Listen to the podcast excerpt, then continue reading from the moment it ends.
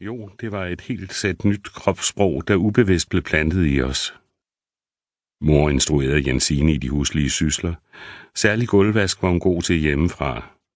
Tøjvask i grokedlen i kælderen. Danske køkkenvaner, dansk madlavning og borddækning.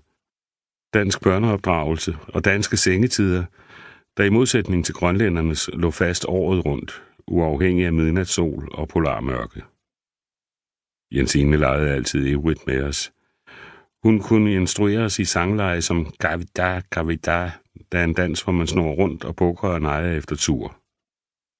Hun blev næsten altid hængende efter arbejdstid. Vi var jo kommet til et land, hvor tid havde en helt anden dimension, og ikke bare hang på en rund urskive. Hun spiste ofte med og lærte den danske måde at tilberede de grønlandske råvarer på. Hendes nødvendige overgang til at spise med kniv og gaffel gik hurtigt. Jensine var den ældste af seks børn i familien Stenholdt. Hos dem var alt så velorganiseret, som det overhovedet kunne blive under så små kår og uden rindende vand og elektrisk lys. Elektriciteten var lige ved at blive indført i grønlændernes huse, men ikke så langt ude som Stenholdt-familien boede. Yderst i den sydlige ende af byen, i forstaden Ilumiut, tæt på Isfjorden. De boede i et lille rødt torumshus med skråtag over et udnyttet loftsrum.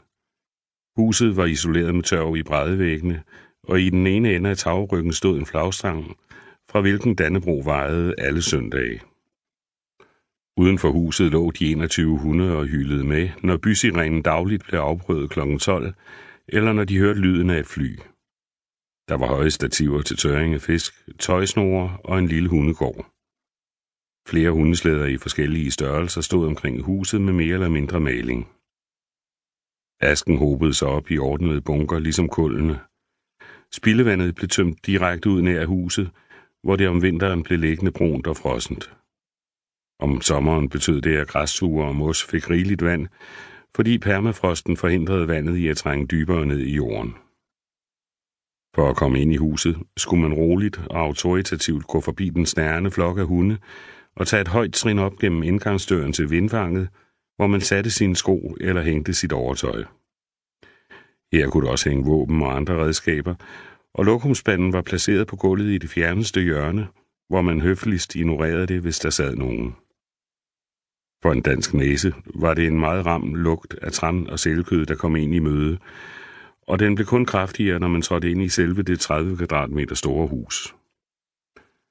I det første rum stod forældrenes sovebriks og et lille kakkelovnskomfur med en ovn til brød. På komfuret stod en stor gryde med vand.